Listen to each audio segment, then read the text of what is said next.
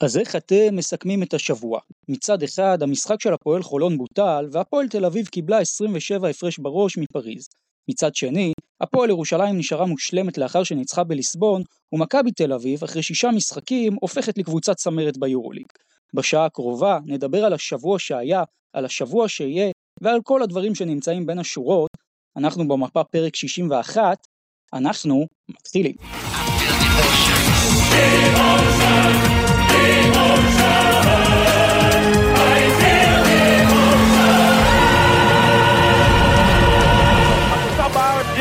אנחנו במפה ואנחנו נשארים במפה לא רק בספורט, לא הכל.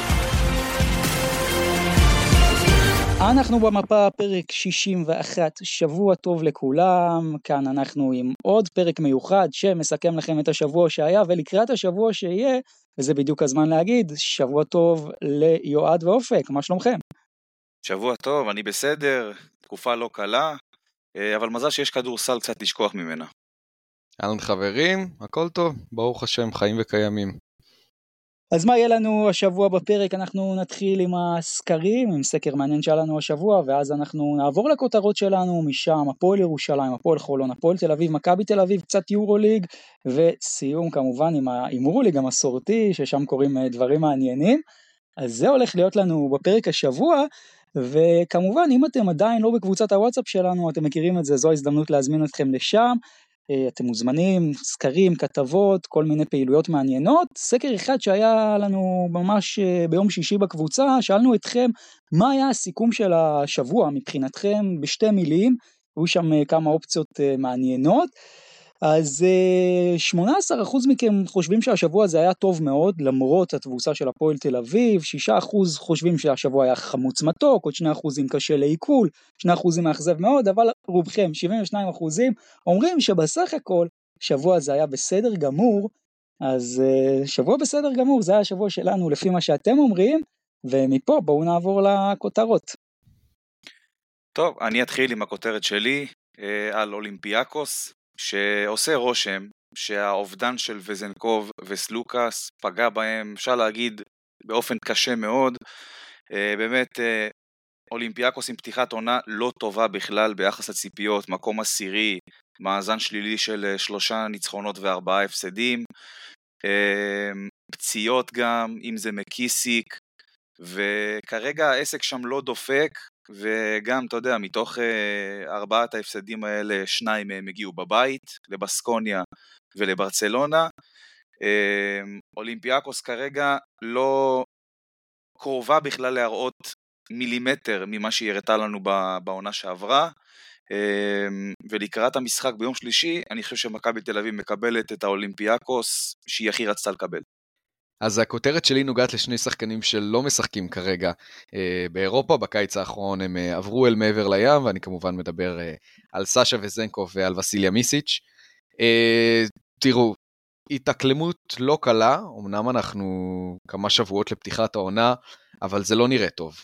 אה, גם מבחינת מיעוט דקות שהם מקבלים, בטח לשחקנים שהיו במעמד כוכבי על ביורוליג, אה, שיש להם מעריצים ועוקבים ו-MVPs ותארי יורוליג, אה, זה דברים שהם לא רגילים לקבל, שהם יושבים בקצה הספסל, מסתפקים בשאריות, 10 דקות, 12 דקות, וגם בכללי שפת הגוף שלהם נראית מאוד מאוד ירודה. ביטחון נמוך, זה כמובן ישירות אה, מתורגם גם לאחוזים אה, נמוכים, דברים שבאמת לא התרגלנו לראות אה, משני החבר'ה האלה, אז במקביל לאיזשהו תהליך של באמת גלובליזציה של הכדורסל, אנחנו רואים המון המון שחקנים שמביאים את הכדורסל האירופאי ל-NBA ומצליחים בו גם, כמו לוקה, יוקיץ' וכדומה, אה, זה לא מצליח הפעם. כנראה שיש, אה, שישנם הבדלים, אה, וזה תלוי בכל מיני אספקטים של גיל, של בשלות, ולפעמים גם של התאמה של הסגנון, של הסגנון משחק. אני לא יודע להגיד, להגיד לכם אם הם בליבם הם מתחרטים, כי כן היה פה איזשהו חלום שמתוך שכל אחד מהם רצה להגשים, אבל בואו, לא, אל תתפלאו אם כבר בקיץ הקרוב או בזה שאחריו הם ירצו לחזור לבית, לאהבה, של, אה, של הקהל של היורוליג, לדקות, לכוכבות אה, שלהם, ואולי אה, יניחו את חלום ה-NBA וההצלחה ב-NBA בצד. הכותרת שלי היא תודה לריגה. כי בסוף הפועל חולון סוף סוף, אם אפשר לומר, מוצאת בית, וזה בריגה, ובאמת תודה גם לאיגוד הכדורסל הלטבי שהביע פה הזדהות עם המצב, וגם שלח כמה מילים חמות על הדרך. וריגה, אם שמים לב או לא שמים לב, הופכת לפתאום בית ללא מעט קבוצות, כי גם VF ריגה שם כמובן, אבל גם פרומיטי שהפועל תל אביב תשחק מולה השבוע, כמובן אנחנו זוכרים, ריגה סוג של אימצה אותה, עכשיו גם את הפועל חולון, אז באמת כל הכבוד ל- לריגה, מחמם את הלב. אגב, הפועל תל אביב ביום אה, שלישי, בריגה, משחקת בעצם בריגה ארנה, חולון ביום רביעי, מול ברוגן בריגה ארנה, האם הקבוצות האלה מתכננות להיפגש, או אולי אפילו לעשות משחק אימון או משהו ביחד, מעניין, אבל בכל מקרה הסיפור הגדול פה הוא ריגה, שבאמת כיף, כיף, פשוט כיף שהמקום הזה לאט לאט צומח בחזרה, ולטביה על המפה, לטביה על המפה, והיא ממש הופכת פה... אנחנו קוראים לכל הישראלים שהזמינו בקיץ שעבר כרטיסים לאיסטנבול מיד להחליף את הלוקיישן ל... ל... לריגה ולהראות להם תמיכה. כן, חד משמעית, אחלה ריגה, ומכאן אנחנו באמת אה, נתחיל ככה בפרק ובנושאים שלנו השבוע. אז בואו קודם כל אה, נתחיל מהפועל ירושלים, שמנצחת את בנפיקה ליסבון, 84-66. אה, משחק ככה שהיא מתחילה אותו לא טוב, אבל מרגע שהמשחק הזה בעצם אה, מתחיל להיכנס לרבע השני, הפועל ירושלים משנה הילוך, מחליפה דיסקט, וככל שהזמן עובר זה די ברור מי מנצחת, ואם כבר מדברים על הזמן, אה, אז כמובן אי אפשר להתעלם מסגת השעון שקורית שם. מה, מה דעתכם על, ה, על העניין הזה? כי בסוף, אתם יודעים, כאילו, עם כל הכבוד לכדורסל וזה, הסיפור המרכזי פה הוא השעון. תשמע, אני חושב ש... כמו שהמפעל הזה מתנהל בערך מ, אה, מהקורונה, זה די מראה על איך שזה נראה ועל כל המקרה הזה של, ה, של ההתנהלות הכוללת של המפעל הזה. חבל מאוד, חבל מאוד שדברים כאלה קורים ברמות האלה, באמת חבל. אני חייב להגיד שאולי הנושא הוא קצת overrated, קודם כל גם מהסיבה שזה קרה במחצית, אה, כלומר אם זה היה ממש קורה באמצע משחק, באמצע uh, התקפה, אה, פתאום צריכים לעצור הכל, אה, כשהשרירים כבר חמים מה שנקרא, אז אני חושב שזה היה אה, מפלה יותר, פחות, פחות נעימה. שיט הפנס, זה קורה, בסדר, כיף לצחוק על פיבה, כשדברים כאלה קורים להם, כי זה קצת באמת שוב מצביע להם על קצת הנטייה והסטיגמה שלהם, על החוסר מקצועיות. לא הייתי נותן לזה כל כך הרבה דגש כמו, ש... כמו שנתנו לזה, היה קצת מציק, באמת, העברתי לחדשות, כאילו לא ראיתי מספיק חדשות בחודש האחרון, אה, אבל כשראיתי שחזר המשחק, כבר זיפזפתי. עזבו, חבר'ה, אבל אתם חייבים להודות, שום דבר לא ישתווה להפסקת חשמל בגנר. מספר אחד. זה נכון, ההפסקת חשמל המפורסמת מלפני קצת יותר משנתיים, כן. אה, אבל כן, אני חושב שבבנפיקה לא תכננו לתת לנו ליהנות גם מהמשחק של אה, הפועל תל אביב, עד כמה שהיה אפשר אה, ליהנות ממנו, כי המשחקים שם היו חופפים, אלא בסוף אני חושב שיש פה עניין יותר דווקא לחבר'ה בליסבון, ופחות לפיבה, אבל בדיוק. אוקיי, דיברנו, דיברנו על השעון ושמנו את זה ככה במקום, בואו נדבר על המשחק, בסדר? כי הפועל ירושלים עדיין מושלמת, חמישה ניצחונות בחמישה משחקים העונה. אה, בסך הכל התחושה היא שאפילו עוד אפשר יותר, אבל במשחק הזה אני חושב אפשר לומר כבר ראינו אולי את הפועל ירושלים יותר כמו שהיא רוצה להיראות, במיוחד הגנתית. אה, מי אתם מבחינתכם ככה מסמנים מהמשחק הזה כשחקן שהוא מצטיין? כי יש לנו פה גם את רנדולף, גם את אנדור וגם את אנקינס, שכל אחד מהם באמת היה במשחק טוב. אז מה, מי, מי השחקן שאתם נותנים לו את התואר פה? מבחינתי חד משמעית ליוואי רנדולף, הוא שלט שם בהכל, בקצב, עשה הכל מהכל, אסיסטים, שלט בריבאונד, אה, עשה נקודות, אה, נתן עבודה גם בהגנה, אמ, ואני חושב שרנדולף זה אחד השחקנים הכי חשובים של הפועל ירושלים, אבל אם שמים בצד רגע את אה, עניין השחקן המצטיין, גם צריך להגיד שהפועל ירושלים לאט לאט מראה לנו, אני מדבר ספציפית על המשחק הזה, התנהלות של קבוצה גדולה. מתחילה, אתה יודע, בחצי קלאץ', רבע ראשון קצת משחקת עם, עם, עם היריב שלה, רבע שני מעלה הילוך, רבע שלישי ורביעי פשוט באה לגמור את המשחק. מרימה את הרמה, גם הגנתית, גם התקפית, והפועל ירושלים עשתה את זה בצורה הכי טובה שאפשר. תהיה בטוח אבל שאלכסנדר ג'יקיץ' לא אוהב את זה. שברבע הרביעי הם מתעוררים. עזוב, יש משהו שהוא אוהב.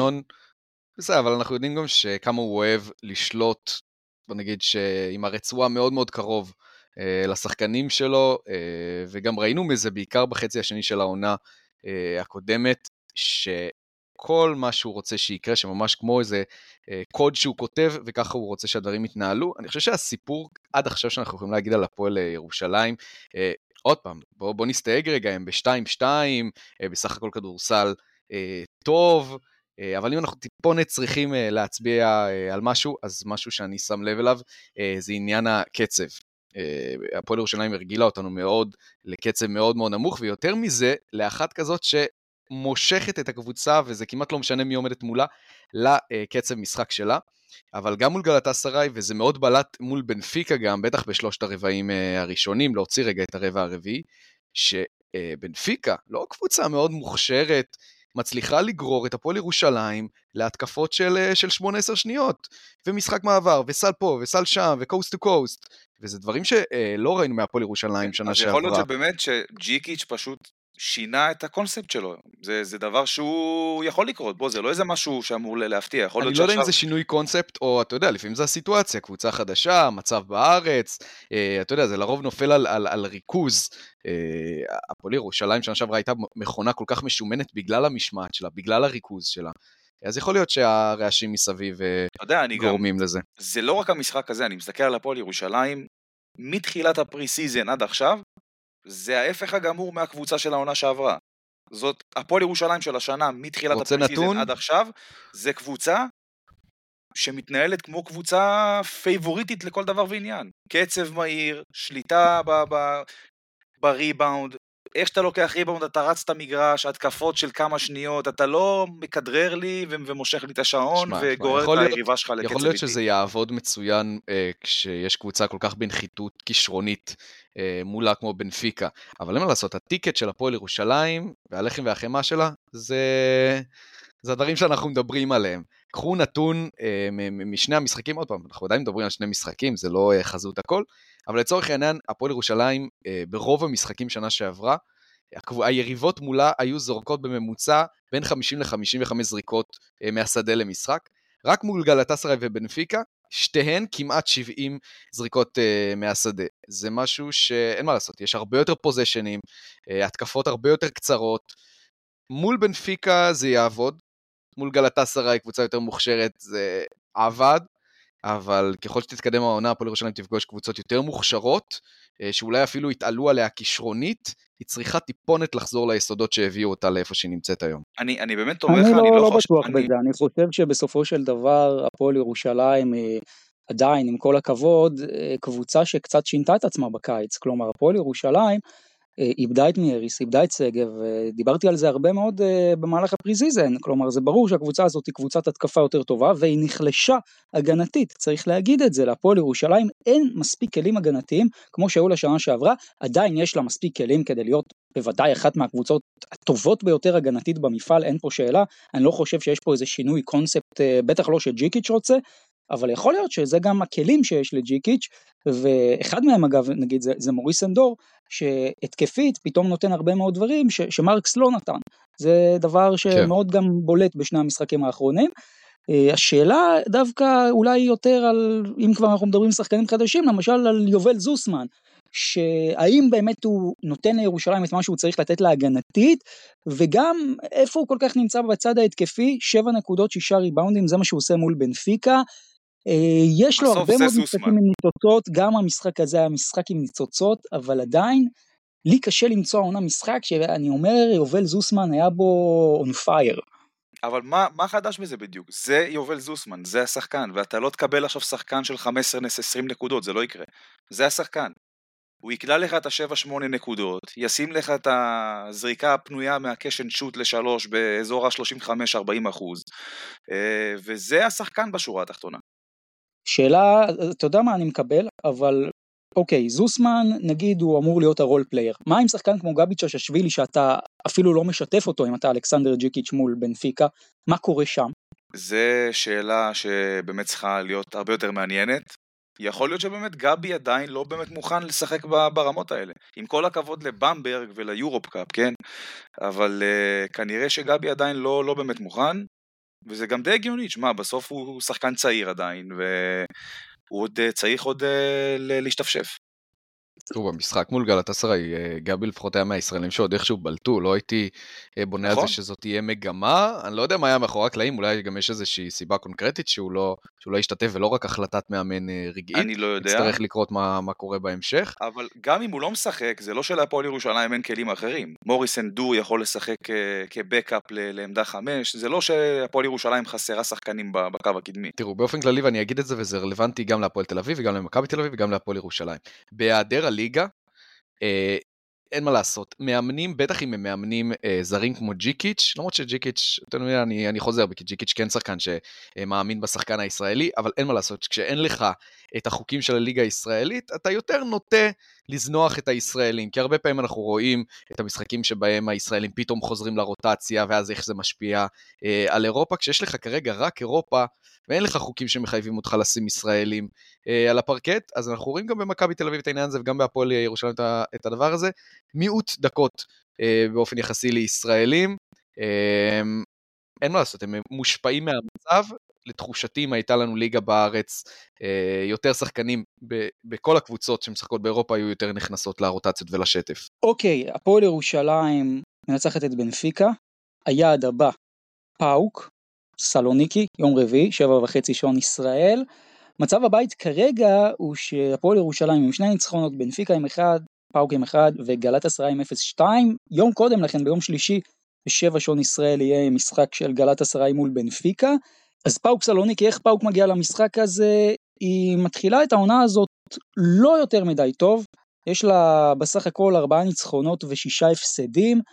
היא ממש לפני זמן קצר מנצחת בליגה את אה, אפולון, אבל אה, בעצם אם אנחנו הולכים ללפני המשחק הזה, יש לה שלושה הפסדים רצופים בהפרש דו ספרתי, אז היא קצת מצליחה לשנות את המגמה אה, ממש לפני זמן קצר במשחק ליגה. אבל עדיין פאוק מאוד מאוד לא יציבה העונה. הניצחון על גאלה פתאום בטורקיה ב-11 הפרש, ואז לחטוף מבנפיקה בליסבון. אז אני חושב שאלו המילים שמתארות את פאוק הכי טוב. חוסר יציבות. תנו לי את הרשמים שלכם על הקבוצה הזאת בינתיים. דיברנו עליה כבר, אבל בואו רגע נדבר קונקרטית על, ה... על המצב שלה עכשיו. בוא נגיד שהיא עושה בערך מה שהיא שווה על הנייר. העניין של החוסר יציבות מאוד בולט. היא כן קבוצה מאוד מוכשרת, אבל ה... פתאום שלושה ניצחונות רצופים, שלושה, אה, שלושה הפסדים רצופים, אה, וגם הפסדים דרמטיים וגם ניצחונות דרמטיים. כלומר שמאוד אה, איזה מין רכבת הרים, הניצחון על אפולון בא לה מאוד מאוד בטוב. ומבחינת הפועל ירושלים, היא לא יודעת איזה פאוק היא, היא תפגוש. אני באופן אישי סימנתי אותה גם כסוס שחור בליגת האלופות, אבל אנחנו באמת לא, לא, לא כל כך יודעים איזה פאוק נפגוש. אה, הפועל ירושלים צריכה לשחק את המשחק שלה, אה, היא יותר מוכשרת מפאוק סלוניקי. אה, ואם היא באמת תיצמד לעקרונות שהביאו אותה לאיפה שהיא נמצאת, גם אם היא תקבל את הפאוק המשודרגת, הפאוק המשודרגת, וגם אם היא תקבל את פאוק של, של השלושה שבועות האחרונים, היא תהיה בסדר. כן, היו, היו רוצים להיות פאו, למרות שבימים האלה לא, לא תמיד בטוח שאתה רוצה להיות פאו, אבל הפועל ירושלים, שוב, היא קודם כל נדבר על פאוק, כי יש לה אה, עניין של רוטציה מאוד קצרה, ולהפועל ירושלים יש יתרון מאוד גדול גם בעמדות הפנים שלה על פאוק סלוניקי, ואגב החוסר יציבות של פאוק מאוד יכול להיות שהוא נובע מהרוטציה הקצרה הזאת. עכשיו אם אנחנו מתקדמים באמת להפועל ירושלים אז בסופו של דבר אני חושב שדווקא מול פאוק היא יכולה להרגיש בנוח יחסית אה, כי גם אגב לבנפיקה היו כלים, היא לא השתמשה בהם, אבל היו לה כלים אה, לעקוץ גם לגלת אסריי. אני חושב שמול פאוק המצ'אפ יכול להיות יותר נוח, אלא אם כן, אלא אם כן הגארדים תופסים יום, וזה פה מוביל אותי לשאלה מי איש המפתח שאתם מסמנים בכל צד, גם בשל ירושלים וגם בשל אה, פאוק סלוניקי. אני כל עוד, כל עוד לא יוכח אחרת, אני בדרך כלל אלך על שחקן מעמדות 3-4 אצל הקבוצה היריבה, אני עדיין חושב שזה, וראינו את זה גם על, על אלמדה, סימנו, סימנתי אותו אה, כאיזשהו שחקן מפתח, וראינו שלהפועל ירושלים יש איזשהו, איזושהי רגישות אה, מול שחקנים אה, בעמדות האלה, אז אני אלך על, על אנדרו אריסון, שהוא יותר לכיוון ה-2-3, אה, אבל אני אלך עליו, זה שחקן שעושה את רוב הנקודות שלו אה, מבפנים. אה, אם הפועל ירושלים לא תהיה צמודה ולא תהיה פיזית אה, איתו, הוא יעניש אותה. כמו שאלמדה העניש אותם, כמו שיבואה העניש אותם, אה, וזה מאוד יקשה עליהם, זה ניצחון שיכול ללכת להם מאוד בקלות, אה, אבל אם הם יפתחו להם יותר מדי פרצים אה, לפאוק כדי להעניש, זה סתם יסרבל את כל המשחק. בהפועל ירושלים אני אלך על, על זאק הנקינס, דיברת על זה נהיית על הדלילות של פאוק, בעיקר בעמדות הפנים, וזה מבחינת, מבחינת הנקינס יכול להיות מגרש משחקים וגן שעשועים מאוד מאוד אפקטיבי מבחינתו. אמ, אז אני הולך על זאק. אה, בהפועל ירושלים אני הולך עם המגמה ליוואי רנדולף, אה, השחקן הכי חשוב התקפית של הפועל ירושלים ככל הנראה.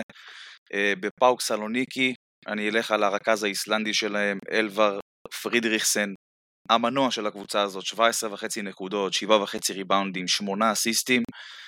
איש המפתח של הקבוצה הזאת, הפועל ירושלים תהיה חייבת לעצור אותו וגם יש לה את הכלים לעשות את זה.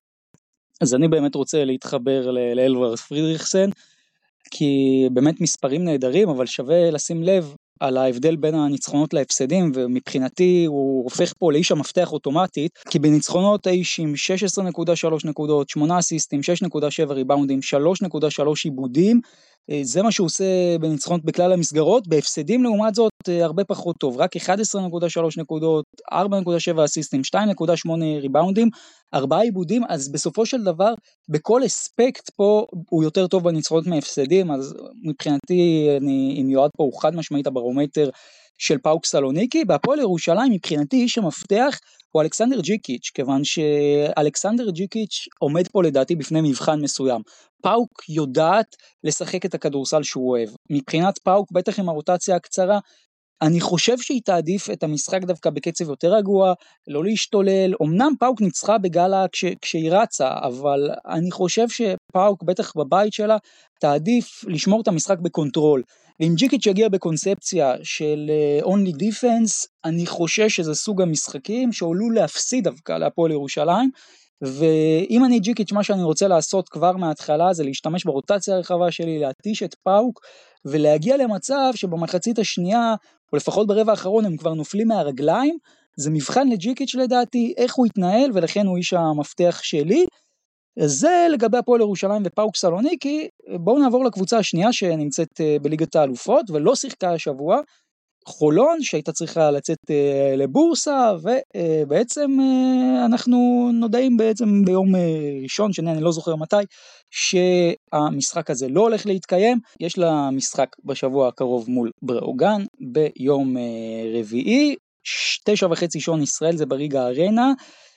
אז בואו נתחיל מאיך שבראוגן הולכת להגיע למשחק הזה פתיחת עונה לא טובה, יש לה ספרדים, אמנם לפני זמן קצר בראוגן מנצחת את בדלונה במשחק יחסית לא טריוויאלי שלה, שהיא גם קולעת בו 85 נקודות, אבל בסך הכל אם אנחנו מסתכלים על כל העונה, בראוגן מתחילה אותה עם הפסד, ואז ניצחון, ואז שלושה הפסדים ברציפות, ואז עוד ניצחון, ואז ארבעה הפסדים ברציפות, ועכשיו בא ניצחון על בדלונה, אבל בראוגן לא מצליחה לחבר אה, ניצחונות כרגע, ובינתיים קשה לה, קשה לה העונה הזאת. קבוצה שאני חושב עוברת הרבה מאוד טלטלות, אנחנו גם זוכרים את שישקו שעוזב, פרנקאמפ אה, מצטרף, ג'סטין אנדרסון מצטרף, שם מאוד מעניין שעוד מעט אה, נדבר עליו, אבל הסיפור הגדול בברוגאן כמובן, זה בטח מול חולון, זה מה שיש לה בתוך הצבע, זה מטג' רודן שהוא בן 22, 208, זה חואן פרננדס, גם מאוד צעיר, בן 21 אבל 2 מטרים ועשרה,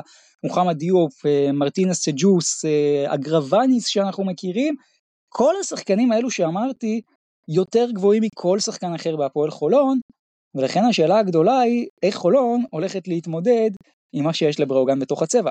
זה המפתח יש של הפועל חולון, היא תצטרך למנוע מבראוגן אה, באמת אה, להיות אה, דומיננטית בצבע, אה, ולא חסר פתרונות, יש התאמות הגנתיות, אפשר אה, להביא אה, שמירות כפולות, אה, יש פתרונות לכל הדברים האלה, השאלה באמת איך הפועל, איך הפועל חולון אה, תוציא את זה לפועל, כי העניין הזה יכול להכריע את המשחק, לדעתי. דרך אגב, הפועל חולון קבוצה כרגע יותר טובה, אה, אבל בהחלט נקודת התורפה שיכולה להיות של הפועל חולון זה עניין משחק הפנים. אני חושב שבראוגן היא קבוצת אמצע טבלה ומטה ספרדית די טיפוסית, כלומר חממה להרבה צעירים, גבוהים, כבר מכירים את כל האב טיפוסים אה, של כל השחקנים האלה.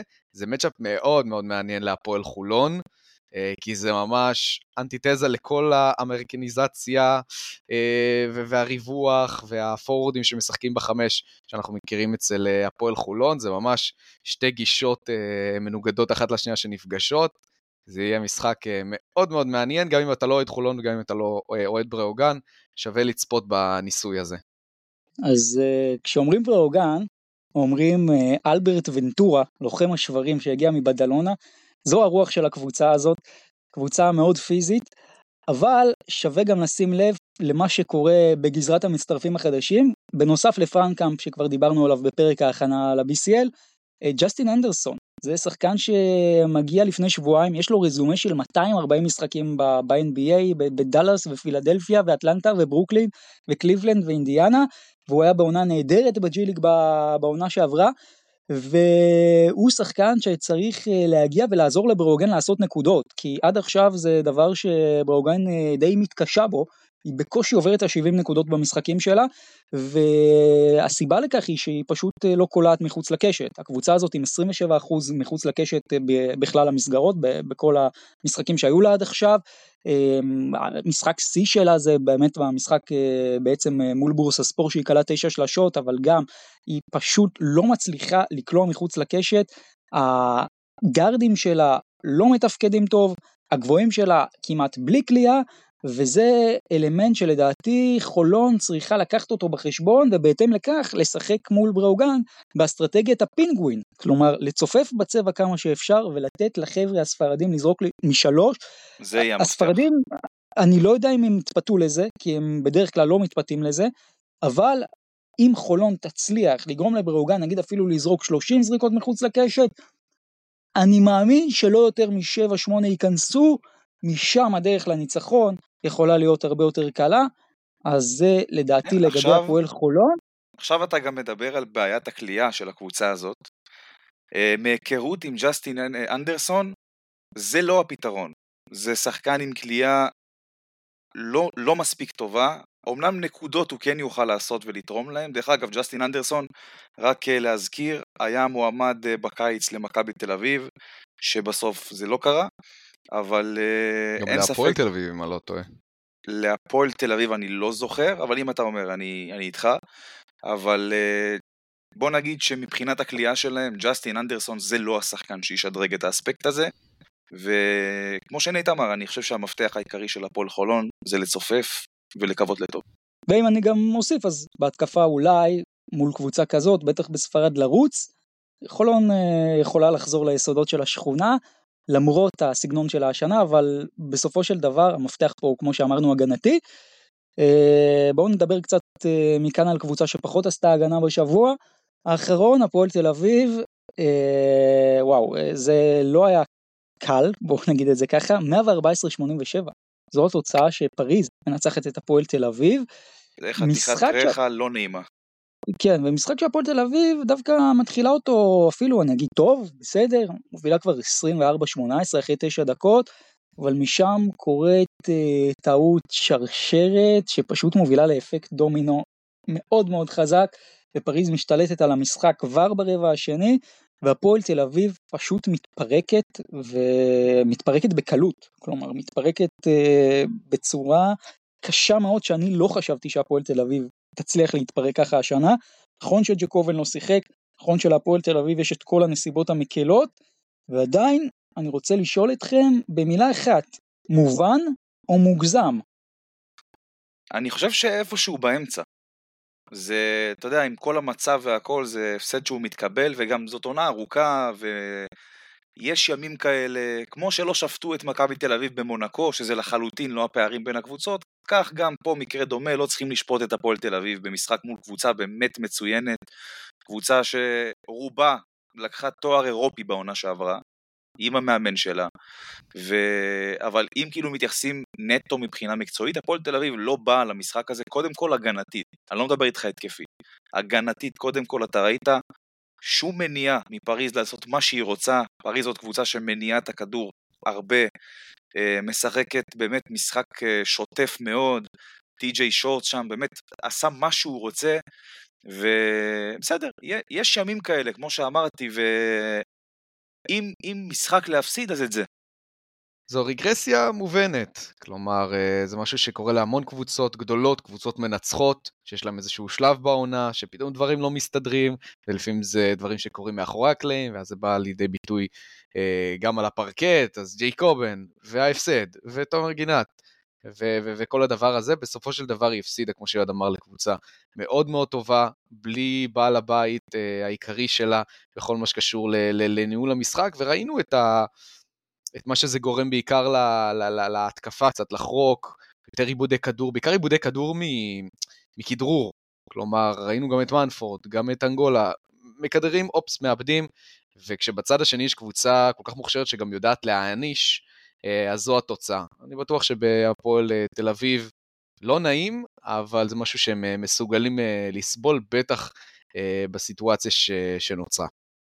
אני חושב שזה מוגזם. אני חושב, אני יכול להבין הכל, ובאמת אפשר לקבל את ההפסד הזה, זה לא, הפועל תל אביב היינו אומרים לה, אפילו אם לא הייתה מלחמה, שהיא תשחק בדרייבין ושהיא תהיה בארבע אחת חיובי אחרי חמישה משחקים, אני חושב שהיא הייתה לוקחת את זה בלי, בלי לשאול פעמיים, אבל להפסיד 27 בפריז בדרך שאתה אפילו לא מהווה פקטור במחצית השנייה, זה קצת מוגזם מבחינתה של הפועל תל אביב, מה גם שעכשיו ההפסד הזה הוא בעצם אה, גורם לה אה, להיות במרחק של שני משחקים מפריז, כי ההפרש פה הוא מאוד משמעותי, ואם הפועל תל אביב תהיה פתאום בשוויון מאזנים עם פריז ועוד קבוצה, נגיד בסופו של דבר ב-2-2 כולם, אז היא גם עלולה למצוא את עצמה האחרונה במאזן ובהשתלבות כזאת.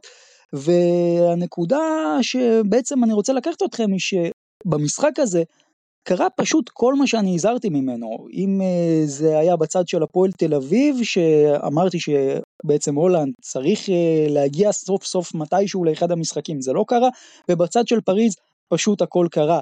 בין אם אה, מלקולם וורד שהם בהחלט כמו שאמרתי הסיפור הגדול של העונה הזאת והנקודה המרכזית פה היא טי.ג'ה שורטס כי הפועל תל אביב נפלה פה במלכודת ובצורה הכי קשה שיכולה להיות יש פה גם הרבה מאוד דמיון, אפילו למשחק שחמט, שבדרך כלל בין כדורסל לשחמט אה, יכולה להיות, אה, יכול להיות דמיון באסטרטגיה והכל, אבל אה, יש הבדלים, כלומר בשחמט אתה מאבד חיילים כל הזמן, זה לא קורה בכדורסל, בשחמט המטרה היא בסופו של דבר להכניע את המלך, זה מטרה אחת, בכדורסל אתה, המטרה היא לשחזר הרבה מאוד מטרות, שזה בעצם לקלוע סל עוד פעם ועוד פעם ועוד פעם, אבל פה היה מהלך שבשחמט נקרא שגיאה חמורה. היה פה מהלך שיצר אפקט דומינו שהיה קשה מאוד לחזור ממנו, וזה המהלך שפרנקו 48 שניות לסיום הרבע הראשון מעלה את גיל בני לשמור על טי.ג'ה שורטס, וזה משהו שלדעתי אה, הכניס את הפועל תל אביב לסוג של מערבולת מאוד מאוד קשה, כי מה שקורה אחרי זה, זה שברגע שפרנקו הכניס את בני שכמעט לא שיחק העונה, ובאמת יש לו את כל הנסיבות המקלות, אה, למשחק ולהגנה מול טי.ג'ה שורטס, שגם בכושר רגיל יכול לקחת אותו בקלות באחד על אחד, מה שקורה זה שבעצם פריז בשתי התקפות הבאות בסוף הרבע עושה מה שהיא רוצה, באחת שורטס קולע, באחת הוא אה, בעצם מנסה לסדר שם אה, לזריקה שהיא לא נכנסת בסוף, זה ממשיך גם ברבע השני והפועל תל אביב משנה את האסטרטגיה והיא מחליטה טי.ג'ה שורטס יותר לא הולך לקלוע מולנו עד לאותה נקודה במשחק שורטס עם 10 נקודות ו-0 אסיסטים, מאותה נקודה במשחק שורטס מוסיף רק עוד 5 נקודות אבל עוד 10 אסיסטים ואם תרשו לי עוד אולי 15 או 20 אסיסטים בדיעבד כי היו פה גם המון מסירות אה, טרום אסיסט ששחקן פשוט אחרי זה העביר אקסטרה פס לזריקה טיפה יותר טובה וזה דבר שבעצם הפועל תל אביב, שכל כך פחדה משורטס, קיבלה את כל פריז על הראש שלה, והיא פשוט מבחינתי נפלה פה במלכודת, ובצורה הכי קשה שהייתה יכולה ליפול בה. אני, אני מאוד מתחבר אה, למה שאתה אומר, ההחלטה הטקטית באמת על, על אה, שורטס אה, לא הצדיקה את עצמה, אה, אבל באופן כללי, אתה צריך גם לדעת מי עומד מולך, שורטס הוא שחקן שמאוד מאוד טוב בלשבור את העזרות, בטח ב high pick and roll, העזרות הגבוהות האלה. אה, ופריזי בכללי, קבוצה מאוד, אה, שמשחקת מאוד לרוחב, אה, משחק מאוד מאוד מרווח, וכשהיא באה חדה היא פשוט מענישה אותך, אבל צריך פה גם לתת את האלמנט הפיזי של הפועל תל אביב, לפחות אי הנוכחות של הפיזיות במשחק ההגנה של הפועל תל אביב, זה, זה, זה לא יעבוד. אתם קבוצה מאוד מאוד מוכשרת ואתם תקלעו המון המון סלים, אבל יש עוד קבוצות מאוד מוכשרות ביורו קאפ, וכשהכסף על השולחן אה, זה לא תמיד יעבוד. נסיבות מקלות, אבל אה, את זה, יש דברים ש, שאי אפשר לקבל, אה, וזה באמת חוסר אגרסיביות מעצבן, כמו שהיה מול פריז.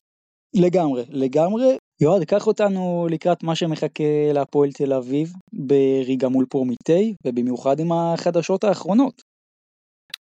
כן, תשמע, פורמיטי מגיעה במצב לא טוב, לא טוב למשחק הזה.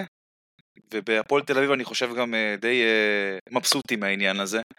אה, מרקוס קין משוחרר מהקבוצה, באמת פתיחת עונה זוועתית שלו.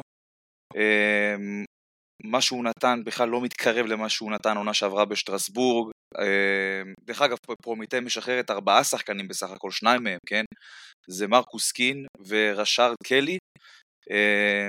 שני שחקנים באמת שהגיעו ואפשר להגיד בכל תרועה רמה לקבוצה ולא באמת תורמים את מה שמצפים מהם. אמ, הקבוצה שם באמת, ב... אפשר להגיד, אפילו משבר, כן? והפועל תל אביב תהיה חייבת uh, לנצל את הדבר הזה ובאמת uh, להוציא את המקסימום מהמשחק הזה ואפילו לנצח אותו דו ספרתי uh, ולהתאושש ממה שקרה בפריז בשבוע שעבר. Uh, וג'קובן בראון, אני עדיין לא יודע מה, מה מצב הכשירות שלו, אבל uh, אם אני צריך להמר, אני חושב שהוא ישחק. Uh, אבל בגדול, מבחן אופי בשביל הפועל תל אביב. פוגשת קבוצה שאפשר להגיד... הסיפור הגדול פה הוא תומר גינת, הסיפור הגדול פה הוא תומר גינת. גם תומר גינת... גינת, כן, כן, שנפצע ולפי uh, הדיווחים uh, חוזר לארץ לבדיקות. והפועל תל אביב פה בחיסרון משמעותי, תומר גינת אחד השחקנים הכי חשובים שלהם העונה ביורו קאפ, אה, מוביל את הקבוצה בכמה מהמדדים הסטטיסטיים, אה, וכמו שאמרתי, מבחן, מבחן אופי רציני להפועל תל אביב.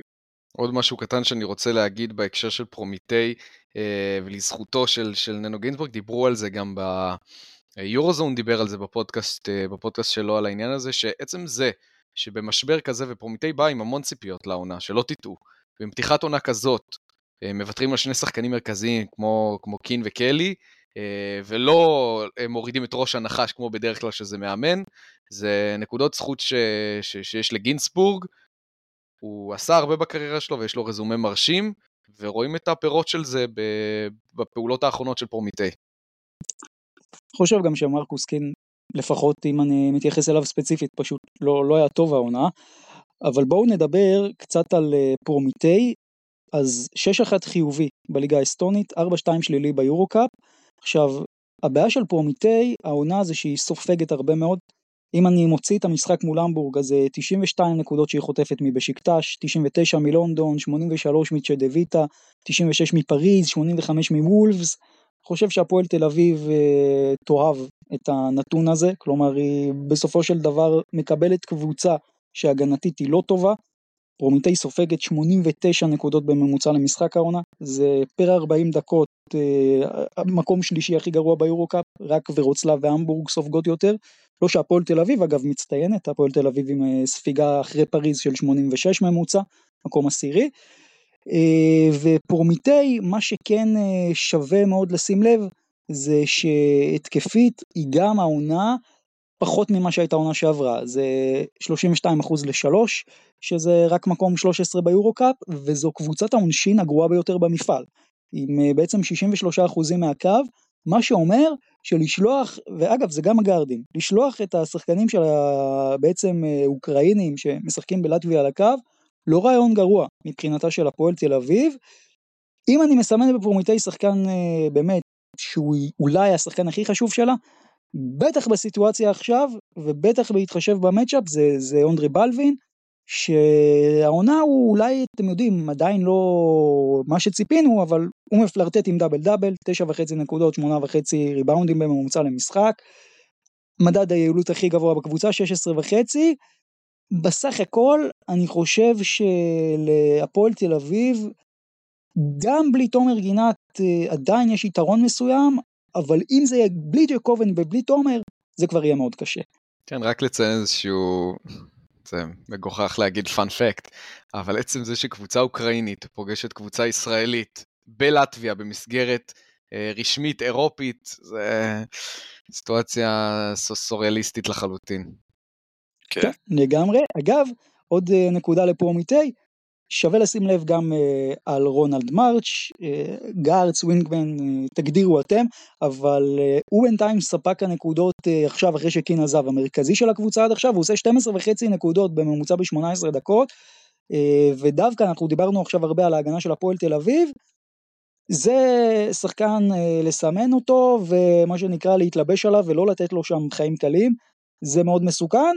הפועל תל אביב אני רוצה ומצפה יותר שעידן זלמנסון קצת ייכנס לעניינים, כי גם הוא, גם בר טימור אה, מאוד מאוד התקשו מול פריז בפן הפיזי. אני חושב שמול פרומיטי זה אמור להיות יותר קל, גם סטייל משחקים שעידן אולי יותר יאהב.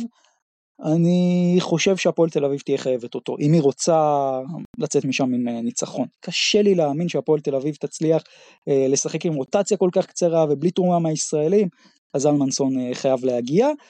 אז לקראת סיום של החלק הזה של הפועל תל אביב, בואו נתמקד טיפה במה שקורה בבית שלה ביורו-קאפ. קודם כל אה, בשקטש, חמש אה, משש, אמנם מנצחת את המבורג, אבל בשקטש, שימו לב, חזק מאוד בתמונה, כמו שגם אה, דיברנו פה בתחילת העונה. צ'דוויטה וסימונה, ידיד המערכת, עדיין בלי ניצחון, שזה אותי אישית לפחות לא מפתיע. ומה תגידו על בדלונה, שמפסידה בבית ב-11 הפרש אה, ללונדון, ואתם יודעים, כשאנחנו מדברים על אה, בדלונה, השאלה הגדולה היא צ'יניאנו אונוואקו, תסבירו לי איך השחקן הזה בישראל, בהרצליה, בהפועל תל אביב, האיש פשוט אה, מפלצת חבל על הזמן, ובאירופה הוא, הוא פשוט לא מצליח, לא, לא בססרי, לא בבדלונה, בצורה קיצונית. מה, אה, מה בעצם הגורמים לפער הזה? בליגה שגלן רייס ג'וניור מסיים בת העונה, ובאמת נחשב לכוכב בה ולשחקן המוביל בה, כל אחד יכול פה לעשות מה שהוא רוצה, לעשות את השכונה הכי גדולה שהוא רוצה לעשות, ובמקומות אחרים, בליגות הרבה יותר בכירות, זה לא יכול לקרות. כנראה שצ'יננו נואקו, המקום שלו זה, זה בליגה הישראלית, פשוט וקל. גם לא מבחינה לא מקצועית וגם מבחינת האופי. אני לא חולק על הכישרון של, אה, של אונואקו, אבל זה כן פשוט שם זרקור על העניין הזה שתדמית לפעמים זה משהו שהוא יותר חזק מהמציאות עצמה. אה, בלי לעשות השוואות אה, יותר מדי לעולם, לעולם הפוליטי, אה, דברים כאלו ואחרים, אבל אם יתקבע אצלנו איזשהו נרטיב שצ'יננו אונואקו הוא סנטר יורוליג כאן בארץ, ראינו את זה גם בקיץ שעבר, גם בססרי, נכון. גם בקיץ הנוכחי, שנכון, בסופו של דבר כן הגיע לבדלונה, אבל לא, לא, לא הגיעו הצעות של מעבר לכך. אה, ופה בארץ עדיין באמת מהללים אותו, כי נתפס, נתפס לו איזושהי תדמית באמת של סנטר ברמות הכי גבוהות שיש לאירופה להציע. אה, אולי אנחנו צריכים קצת להיות פחות יהירים, יותר צנועים, ואולי לאנשי כדורסל אה, באירופה כנראה מבינים דבר אחד או שניים. אונוואקו למכבי? לא תודה. אני צוחק, אני צוחק. אני מניח שהתשובה ידועה בינתיים, אבל מעניין לראות איפה אונוואקו ימשיך מכאן. מה שכן, מכבי תל אביב, אז היא בעצם אה, מנצחת את ביירן מינכן, ובואו נדבר רגע על איך מכבי עושה את זה, קולה 93, סופגת 90, הגנה לא מי יודע מה, בלשון המעטה, התקפה יחסית טובה, בולדווין חוזר, תנו לי את הרשמים שלכם מהמשחק הזה. שמע, כמו בכל מקרה שבסגנון הזה, אתה בא למשחק ראשון בזמן מלחמה, באולם לא במדינה שאתה נמצא בה, אולם ריק מקהל, יש הלם ראשוני, אתה לא יכול להגיד שלא. גם אנחנו ראינו סוג של הלם כזה במשחק של הפועל ירושלים נגד גלטסראי, זה היה. ודרך אגב, זה הזכיר לי מאוד גם, ברמת השפת גוף כאילו, ואת הגישה של השחקנים של הפועל ירושלים ושל מכבי, איך שהם הגיעו למשחק הזה. בסופו של דבר שניהם ניצחו, כן, אבל uh, uh, יש הלם ראשוני במשחק בית, במרכאות, בלי קהל, במדינה אחרת. Uh, אני חושב שצריך לקחת את זה בפרופורציה, גם ההופעה לא הייתה הכי טובה, למרות שהתקפית הייתה הופעה בסדר גמור, הגנתית זה היה נראה רע מאוד, כל אחד שרצה לחדור לסל עשה את זה. ביירן מינכן אני חושב סיימה עם איזה 73% ל-2, וזאת קבוצה שקולעת בממוצע 73 נקודות, היא קלעת 90, ולמכבי תל אביב כרגע לפחות נראה שיש בעיה בהגנה, אה, אבל אתה יודע, אני חושב שזה לא דבר שצריך להדאיג, כי ראינו גם בשנה שעברה, אה, בתחילת העונה, בעיות הגנתיות ממכבי, וככל שהזמן עבר העניין הזה השתפר, היה טיפה יותר תיאום, ידעו איך להביא את העזרות, מאיפה להביא אותם ומתי להביא אותם, ואני חושב שהעניין הזה, העניין ההגנתי במכבי השתפר עם הזמן. אני רוצה לדבר, דיברת על העניין ההגנתי, משהו שהוא שונה אה, בהשוואה לקבוצה של העונה שעברה, זה תמיר בלאט, אני חושב שאחד הדברים החשובים, לפחות מבחינתי, מהחזרה של וייד בולדווין, זה אין מה לעשות, הוא ינגס, ב, ינגוס בדקות של, אה, של תמיר. תמיר, עם אהבתי אליו הגדולה, למכבי תל אביב של העונה שעברה לא היה שומר כזה. אה, זה מעבר להעלים להגנה, אתם יודעים, זה קו הגנה ראשוני. אה, וזה כבר לא משנה את מי הוא יפגוש, זה יכול להיות גארד גבוה וחזק, וזה יכול להיות גם קרסן אדוארדס שיש לו רגליים פשוט יותר מהירות. כן. ותמיר בלוט הוא פשוט, הוא mismatch מהלך לא משנה באיזה, באיזה צורה, אם זה בתחילת ההתקפה, בפוסט, אה, ב perimeter, בהכל, אה, אז החזרה של וייד בולדווין זה פשוט פחות תמיר בלאט, בעיקר בפוזיישנים ההגנתיים, וזה מאוד משמעותי למכבי. אבל שמע, גם זאת הסיבה שתמיר בלאט הוא שחקן משלים במכבי ולא שחקן מוביל. אתה יודע, אחרי הכל, ודרך אגב, גם, גם לדברים האלה יש פתרונות. אתה עושה קצת התאמות, אתה, הקבוצה משחקת אה, הקבוצה מתחברת יותר, יודעת uh, על מי לחפות ומתי, הדברים האלה אני מאמין שיסתדרו עם הזמן. בסדר, כרגע, אבל זה עדיין, זה מאוד קיצוני. נכון, זה כרגע זה נראה כרגע. לא טוב, אבל אם אנחנו עוזבים לרגע את העניין ההגנתי של, של תמיר בלאט, התקפית, אין פה מקום להשוואה בכלל בין מה שיפתח זיו היה תורם התקפית לבין מה שתמיר בלאט תורם התקפית. ברמת הביטחון, ברמת המספרים, ברמת ניהול המשחק. לא, לא יודע אם הייתי משווה כי יפתח זיו לא היה שחקן יורוליג במכבי תל אביב. אז נכנס פה פשוט, אה, נכנס. פה אלמנט חדש, היי תמיר בלאט, נעים להכיר, אנחנו יודעים מה הוא נותן כן. בהתקפה, אנחנו יודעים מה הוא מאוד לא נותן בהגנה. כן, אבל מעל הכל האלמנט של הרכז הישראלי, הבקאפ, ברמת היורוליג, לפחות התקפית, כן? זה משהו שלמכבי תל אביב לא היה כבר הרבה מאוד שנים. וג'ון די ברטולומיאו לא נחשב, כי זה לא מנהל משחק באמת. למרות שיועד ג'ון די זז קצת הצידה, בגלל תמיר. אני לא חושב שזה בגלל תמיר, אני חושב שהוא בתקופה כרגע פחות טובה, אה, וגם זה, גם זה אני מאמין יסתדר עם הזמן, ודרך אגב אנחנו רואים גם הרבה מאוד דקות של הרכבים של תמיר בלאט עם ג'ון די ברטולומיאו ביחד. שאני לא כזה יכול להבין את זה, אה, וגם זה נראה לי עניין די זמני, אבל אני חושב שבסופו של דבר אה, די ברטולומיאו ימצא את המקום שלו בסוף וייתן גם עונה טובה. אני חושב שגם הוא וגם סורקין סובלים כרגע מאותה בעיה, וזה היעדר ההיכל, שניהם שחקנים שמאוד מאוד נכון. ניזונים מהאנרגיה של ההיכל, ואנחנו יודעים שאת עיקר התצוגות שלהם מביאים בהיכל, ואז אתה יודע, זה מתורגם גם למשחקי חוץ, אבל קודם ו... כל זה מתחיל בבית. נכון, וגם זה לא רק זה, זה, אתה יודע, גם, אתה יודע, מדובר בשני ישראלים שגרים בארץ, אה, ג'ון די ברטולומיאו נשוי אה, לישראלית וגר בארץ, לך תדע את מי שני האנשים האלה מכירים, את רומן סורקין, את ג'ון, עם, עם, עם ג'ון די ברטולומיאו. לך תדע, גם כל המצב של המלחמה יכול להיות uh, חלק בזה. בוא נגיד שזה לא הזמן הכי uh, נכון לשפוט אף אחד. מה אתם אומרים על ההופעה של בולדווין במשחק הבכורה שלו העונה? קודם כל מכסת דקות לא, לא הבנתי, כי הבחור שיחק 25 דקות. וגם פתח בחמישייה. וגם פתח בחמישייה. כן, תראה, אה, חוץ מהשישה עיבודים, שאתה יודע, אם, אם, אם יש יריבה ומשחק להסיר בו חלודה, כמובן בהיעדר הליגה הישראלית, אז זה המשחק. אני חושב שזה מה שקרה פחות או יותר עם וייד בולדווין, שישה עיבודים, שאם אתה מוריד אותם, בגדול משחק די, די, די טוב שלו. אז אני חושב שאתה יודע, כטבילת אש ראשונה אחרי חודש ומעלה בחוץ, אה, אפשר להגיד שזה די סביר, ההופעה, ההופעה שלו. הופעה די סולידית, אה, אין לו שחקן כל כך דומיננטי וסקורר כל כך דומיננטי שהוא ניסה להכניס את עצמו, היו דקות שזה יותר עבד, פחות עבד, אני בעיקר לוקח את השלשה שם נכון. בדקות האחרונות, שאחרי 0 מ-2, פתאום נכנסה לו, ואמרתי, הנה, וייד בולדווין, כן. כשאתה צריך אותו הוא יביא לך, הוא יביא לך אותה. נכון. דרך אגב, אני רוצה שנייה להוסיף משהו שמתקשר לווייד בולדווין, אבל יותר קשור ללורנזו בראון.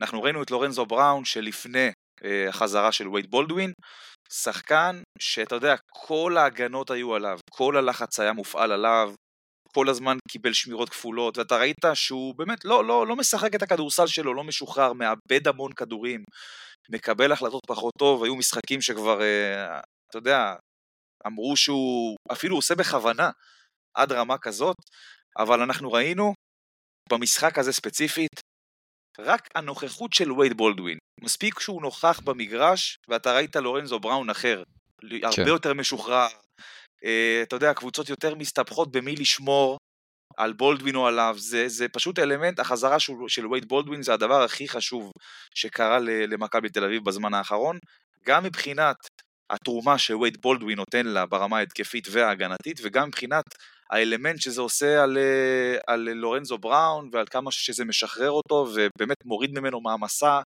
אדירה של לחץ. לקח לו את כל העיבודים, בולדווין, ללורנזו. כן, הם תיאמו אה, לפני לא המשחק, הם תיאמו את זה.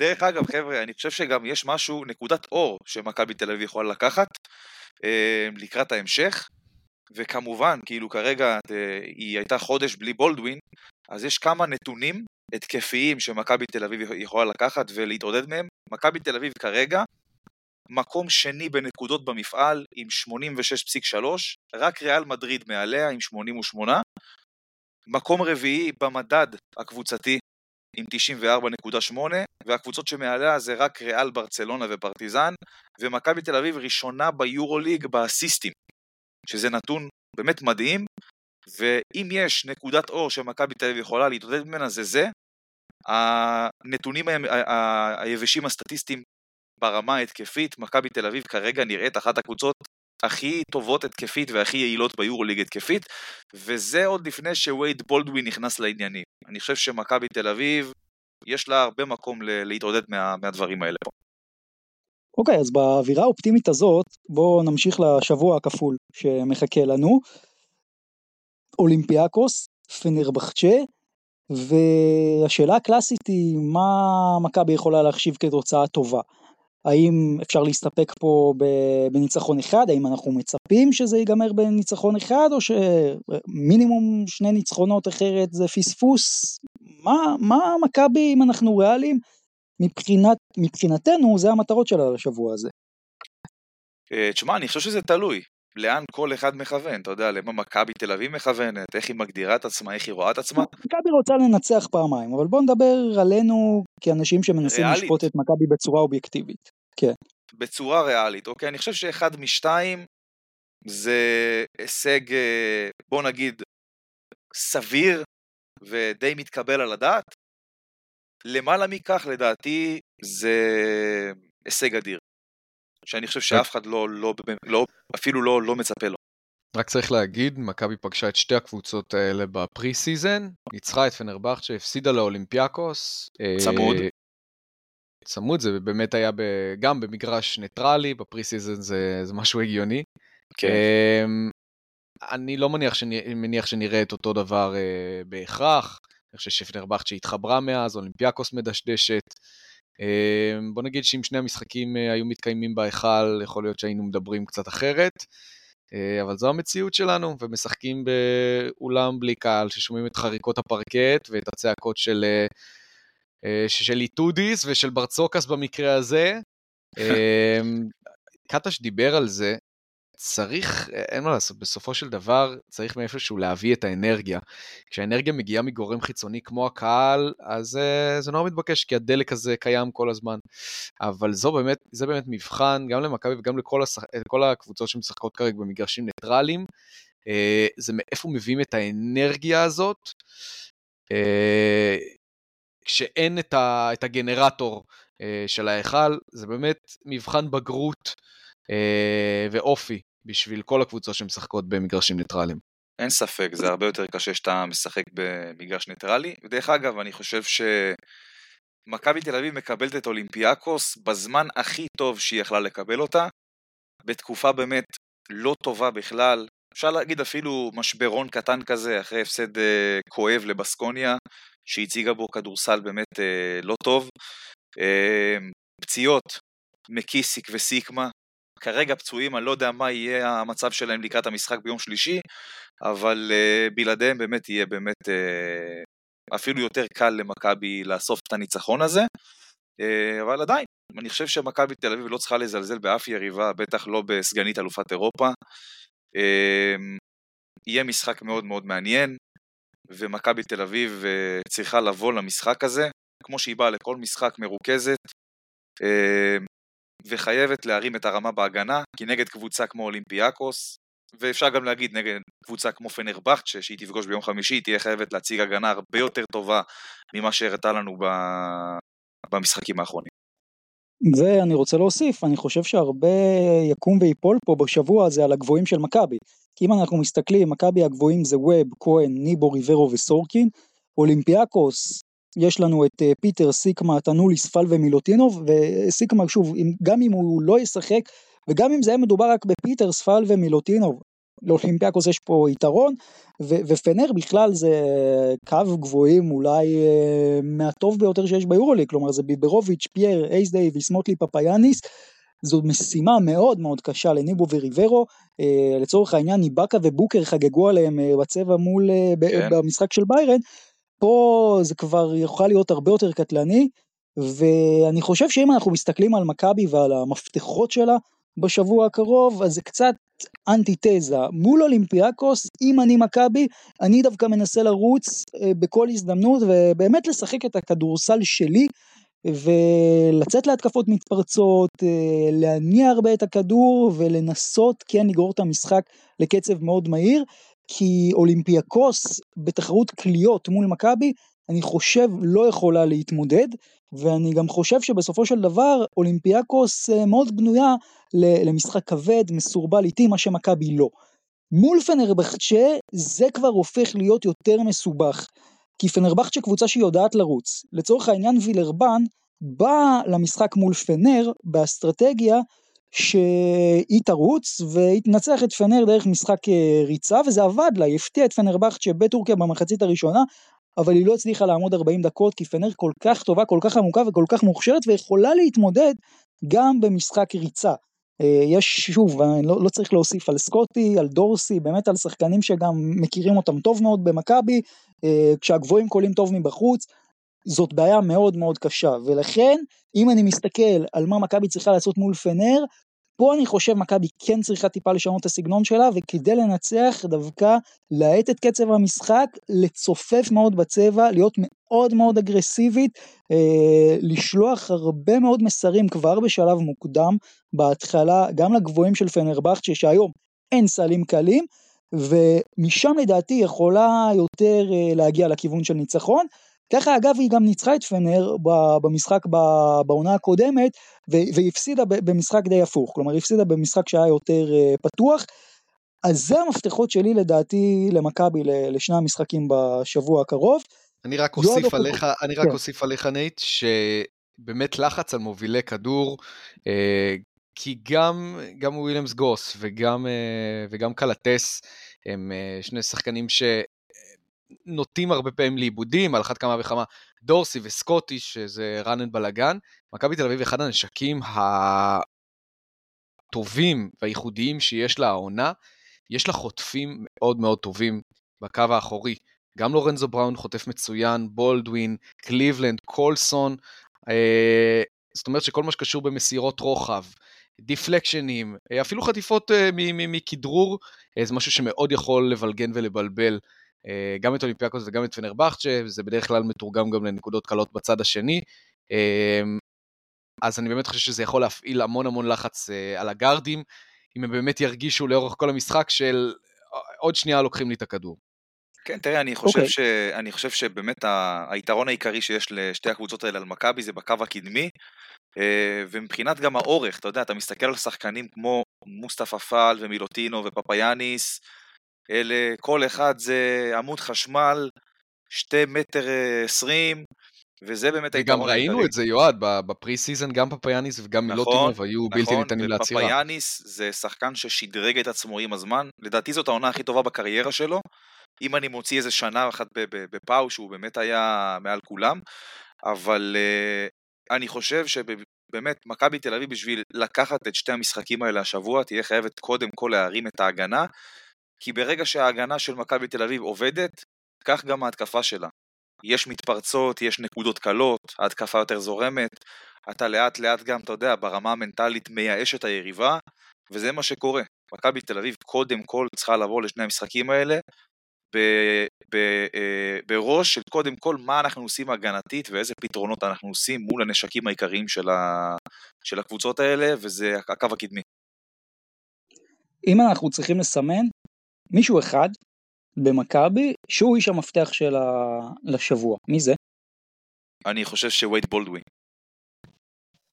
אני אקח את בונזי, שבגלל בגלל כל סאגת לורנזו בראון ותמיר בלאד והמון אה, דברים נוצצים, קצת שוכחים מבונזי שעד עכשיו נותן עונה כל כך סולידית וטובה ויציבה. אמ, כלומר, הוא ממש הפך ל-15 נקודות הבטוחות של מכבי, אה, והריבאונד, וה, וה, והדיפלקשן, והפוטבק, כל כך יעיל, אמ, אני חושב שמכבי צריכה אותו, צריכה אותו, אני לא רוצה להגיד בשיאו, כי פשוט תן לנו את מה שנתת כן. עד עכשיו.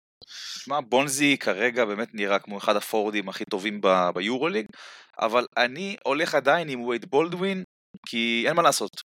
השבוע הקרוב זה מול קבוצות באמת איכותיות ברמה התקפית, ברמת העומק, ובחודש האחרון מכבי תל אביב סבלה באמת מחוסר אה, חוסר שחקנים שיכולים ליצור משהו בקו האחורי, וייד בולדווין זה היוצר הכי טוב שיש לה, והיא תהיה חייבת אותו בשיאו בשביל להתמודד מול הקבוצות האלה. אני מסכים לגבי בולדווין, ואם אני צריך גם לסמן פה איזה אקס פקטור, מישהו שככה יגיע out of nowhere וינצח למכבי את המשחק, הוא כבר עשה את זה כל כך הרבה פעמים, אז זה כמובן ג'ון די ברטולומיאו, שהפעם אני, קשה לי להאמין שמכבי תצליח לנצח משחק בלי שהוא יהיה טוב. ב- לא משנה, אם זה מול אולימפיאקוס, מול פנר, לא יודע, אני לא חושב שמכבי תוכל לנצח זה... בלי משחק טוב שלו. זו בחירה הגיונית, אבל אני דווקא הולך על מישהו אחר, שעד עכשיו גם לא הגיע כל כך לעונה הזאת, וזה רומן סורקין. רומן סורקין, שעונה שעברה היו משחקים, כולל מול אותם יריבות, אולימפיאקוס ביד אליהו, פנרבכצ'ה ביד אליהו, שהוא היה השחקן שאולי שינה את כל המשחקים האלה, ואני חושב שמכבי תל אביב תהיה חייבת גם עוד איזשהו אקסטרה כוח מהקו הקדמי, משהו שיתמודד מול הסוללת גבוהים שיש לאולימפיאקוס ופנרבכצ'ה, רומן סורקין יכול להיות השחקן הזה, ואני חושב שמכבי תל אביב תהיה חייבת התעוררות ממנו גם. אז אני רוצה לציין את ג'יימס ווב, מרגיש שבכללי קטש, אני חושב שעצם זה שקטש עדיין בדקות, גם, גם בפתיחת המשחקים, אבל גם בדקות המכריעות, ג'ייק כהן הוא בעמדה 4, זה איזושהי ברירת מחדל, כי הוא השחקן שהוא סומך עליו אה, באופן יחסי כרגע. אה, הביאו את ג'יימס ווב כדי להיות ה forward הארבע המרכזי של מכבי, אני חושב שדווקא במשחק מול ביירן, בעיקר ברמת השפת גוף, בריבאונד, בהגנה, רוצה להוכיח, ואולי עכשיו אה, שווה לנצל את ה... מומנטום אה, שהוא נכנס אליו כדי באמת שהוא יתחיל להיכנס לרוטציה ויתחיל גם לפתוח בחמישייה בעמדה מספר 4 אה, ואולי גם לסיים את המשחקים כי אנחנו רואים שג'יי כהן אה, אם לא לורנזו בראון וה... והחטיפות שלו בסוף המשחק, יש מצב שג'יי כהן, אם מכבי תל אביב הייתה מפסידה את המשחק, המון היה, אה, המון ביקורות היו על קטש ועל, אה, ועל ג'יי כהן בארבע בדקות האלה. מכבי צריכה ארבע פורוורד בכיר, ג'יימס ווב הוא כרגע הפתרון אה, ממה שיש לה, ואני מקווה שהוא יצליח להכניס את עצמו יותר. בואו נדבר על מה שהיה לנו השבוע ביורוליג, אז ריאל עדיין מושלמת, 16 ניצחונות אה, ברציפות, האם יש קבוצה שכרגע יכולה לעצור אותה? ב-NBA אולי. תשמע, אני מהקיץ אומר שלא, אני מהקיץ אומר שלא. אתה יודע מי, הקבוצה הראשונה שאני חושב שתעצור את ריאל מדריד? אל תגיד לי רק מכבי תל אביב. בוודאי שאני אגיד לך מכבי תל אביב. אוי לא, אוי לא. אתה יודע מה, אני חושב שמכבי נגיד- תל אביב, אני חושב שמכבי תל אביב צריכה לפגוש את ריאל מדריד החודש, החודש, ב-28 נכון, נכון. לחודש, כן. בבלגרד, ואני אני באמת חושב, אם יש משחק שמכבי תל אביב צריכה לסמן אותו כאין מצב לקחת, זה זה. מכבי תנצח את ריאל מדריד, תרשום. אבל אוקיי. בוא, בוא רגע נתמקד גם בעוד דברים. קודם כל, אה, פרטיזן פנר, זה היה המשחק הטוב של המחזור, לא? חד משמעית, כמה אופי. תשמע, משחק פנרבכצ'ה אדיר. פתחה בסערה. עלתה כבר ליתרון דו-ספרתי באזור ה-15, נייג'ל הייז דייוויס עם מחצית מטורפת עם 31 מדד. אמ, ותשמע, פנר הגיעה למשחק הזה עם אה, חיסרון, עם חיסרון. היא באה בלי אה, פייר, בלי גודוריץ', בלי קלטס, בלי שנלי, והיוותה יריב, ופרטיזן באמת מגלה פה אופי אדיר. אתה יודע, עם כל החסרונות של פנרבכצ'ה, אפשר גם להגיד מנגד שלפרטיזן היה- את החיסרון של השחקן הכי טוב שלה, וזה קווין פנתר, אז ככה שזה איפשהו מתקזז.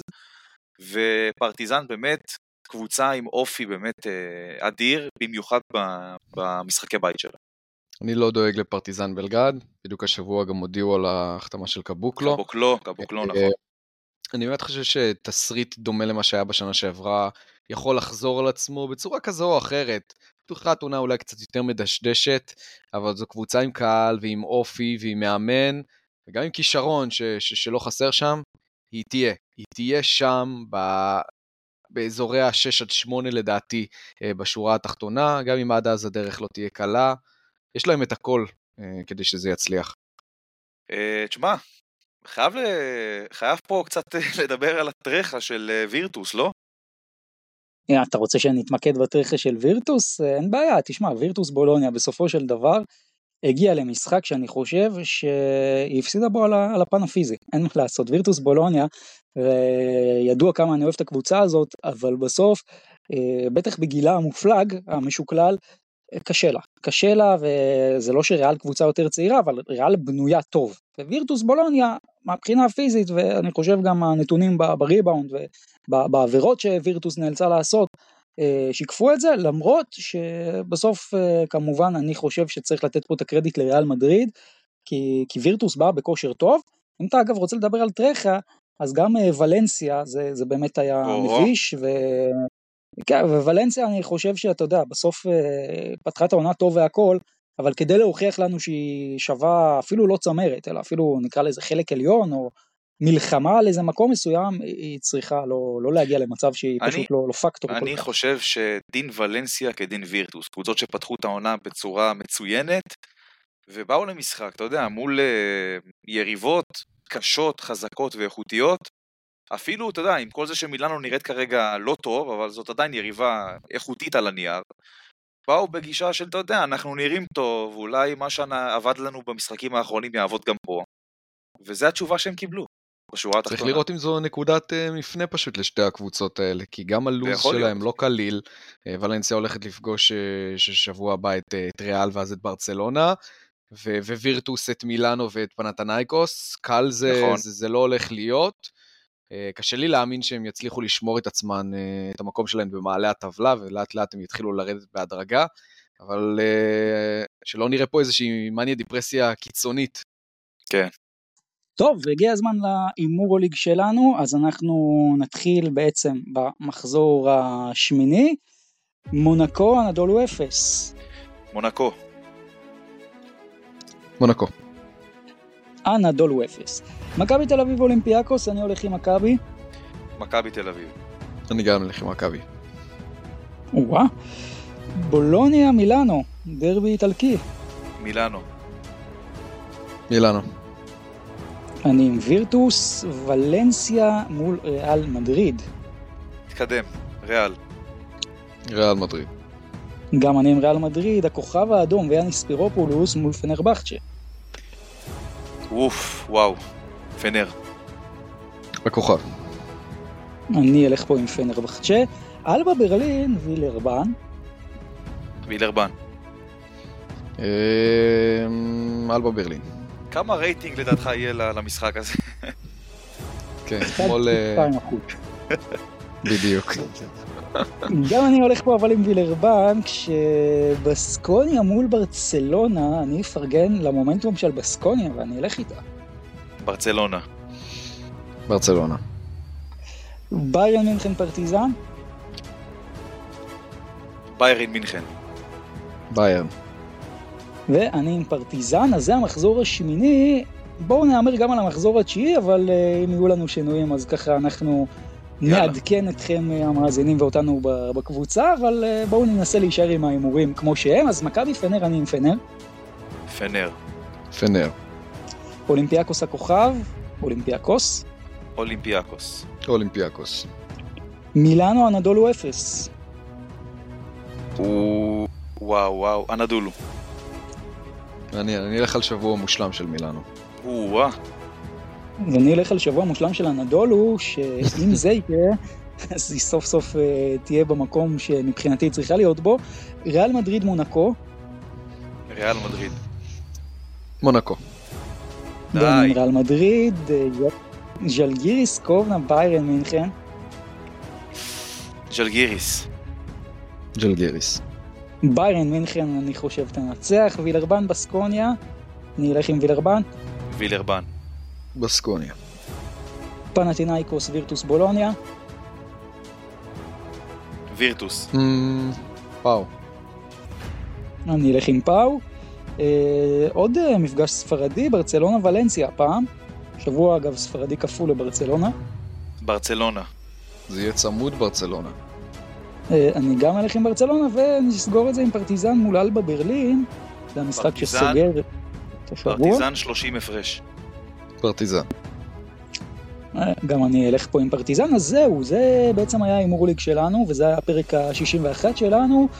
אה, וכמובן, אנחנו נאחל לכם אה, שבוע שקט ובטוח, ועם כל המשחקים שלנו שימשיכו להתקיים. אנחנו כל שבוע פה מאבדים איזה משחק על הדרך. פעם, נקווה שזה לא יקרה. יאללה חבר'ה, שבוע טוב שיהיה. ביי ביי חברים.